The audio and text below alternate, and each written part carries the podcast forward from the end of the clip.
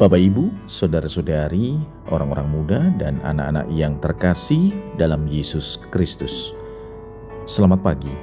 Salam bahagia dan salam saroja untuk kita semua berkah dalam. Bersama dengan saya, Romantonius Garbito Pambuaji menyampaikan salam dan berkat Allah yang Maha Kuasa dalam nama Bapa dan Putra dan Roh Kudus. Amin. Hari ini Senin, 31 Januari dalam hari biasa pekan biasa keempat bertepatan dengan peringatan wajib Santo Yohanes Bosco Imam.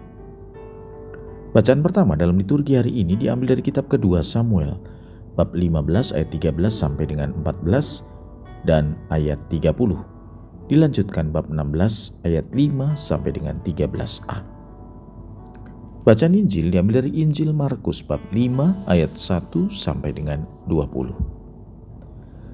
Sekali peristiwa, Sampailah Yesus dan murid-muridnya di seberang Danau Galilea di daerah orang Gerasa. Baru saja Yesus turun dari perahu, datanglah kepadanya seorang yang kerasukan roh jahat dari pekuburan.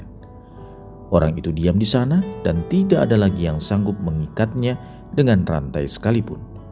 Sudah sering ia dibelenggu dan dirantai, tetapi rantainya diputuskannya dan belenggu itu dimusnahkannya, sehingga tidak ada seorang pun yang cukup kuat untuk menjinakkannya. Siang malam ia berkeliaran di pekuburan dan di bukit-bukit sambil berteriak-teriak dan memukuli diri dengan batu. Ketika melihat Yesus dari jauh, berlarilah ia mendapatkannya. Ia lalu menyembahnya dan dengan keras ia berteriak, Apa urusanmu dengan aku, hai Yesus Allah, anak Allah yang maha tinggi? Demi Allah, jangan siksa aku. Karena sebelumnya Yesus mengatakan kepadanya, Hai engkau roh jahat, keluar dari orang ini. Kemudian Yesus bertanya kepada orang itu, "Siapa namamu?" Jawabnya, "Namaku Legion, karena kami banyak." Ia memohon dengan sangat supaya Yesus jangan mengusir roh-roh itu keluar dari daerah itu. Adalah di sana, di lereng bukit, sekawanan babi sedang mencari makan. Lalu roh-roh itu meminta kepada Yesus katanya, Suruhlah kami pindah ke dalam babi-babi itu dan biarkanlah kami memasukinya. Yesus mengabulkan permintaan mereka lalu keluarlah roh-roh jahat itu dan memasuki babi-babi itu. Maka kawanan babi yang kira-kira 2000 jumlahnya itu terjun dari tepi curang ke dalam danau dan mati lemas di dalamnya. Maka larilah penjaga-penjaga babi itu, mereka menceritakan hal itu di kota, di kampung-kampung sekitarnya. Lalu keluarlah orang untuk melihat apa yang terjadi. Mereka datang kepada Yesus dan melihat orang yang kerasukan itu duduk. Orang yang tadinya kerasukan legion itu kini berpakaian dan sudah waras. Maka takutlah mereka. Orang-orang yang telah melihat sendiri hal itu menceritakan apa yang telah terjadi atas orang yang kerasukan setan itu dan tentang babi-babi itu. Lalu mereka mendesak Yesus supaya ia meninggalkan daerah mereka. Pada waktu Yesus naik lagi ke dalam perahu, orang yang tadinya kerasukan setan itu meminta supaya ia diperkenankan menyertai Yesus. Tetapi Yesus tidak memperkenankannya. Yesus berkata kepada orang itu, "Pulanglah ke rumahmu kepada orang-orang sekampungmu dan beritahukanlah kepada mereka segala yang telah diperbuat oleh Tuhan atasmu. Dan ceritakanlah bagaimana ia telah mengasihani engkau."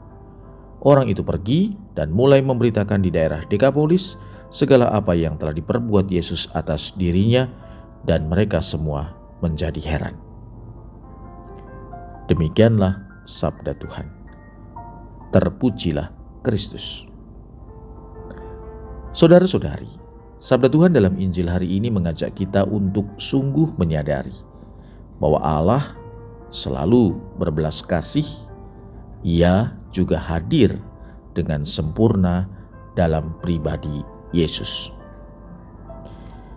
Yang ditunjukkan Yesus adalah belas kasih terhadap orang yang kerasukan roh jahat.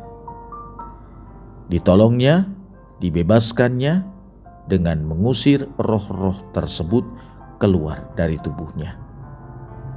Dalam hal ini Yesus mau menunjukkan kepada kita cintanya yang sungguh amat sangat mendalam terhadap mereka yang menderita, yang hidup dalam kegelapan, dalam kekuasaan roh jahat, dan tentu yang merindukan pembebasan.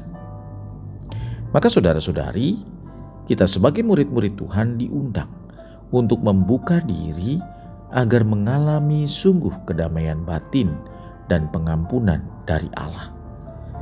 Maka pertanyaannya apakah kita sungguh dengan rendah hati, membuka hati, mau bertobat, dan siap menerima rahmat belas kasih dari Allah. Oleh karena itu, mari kita senantiasa mengusahakan hidup kita untuk rendah hati, jujur, terbuka, tulus, dan setia. Marilah kita berdoa. Ya Tuhan, semoga rahmat-rahmat yang kau limpahkan kepada kami senantiasa sungguh menunjukkan bahwa belas kasih-Mu nyata dalam hidup kami. Berkat Allah yang Maha Kuasa, dalam nama Bapa dan Putra dan Roh Kudus. Amin.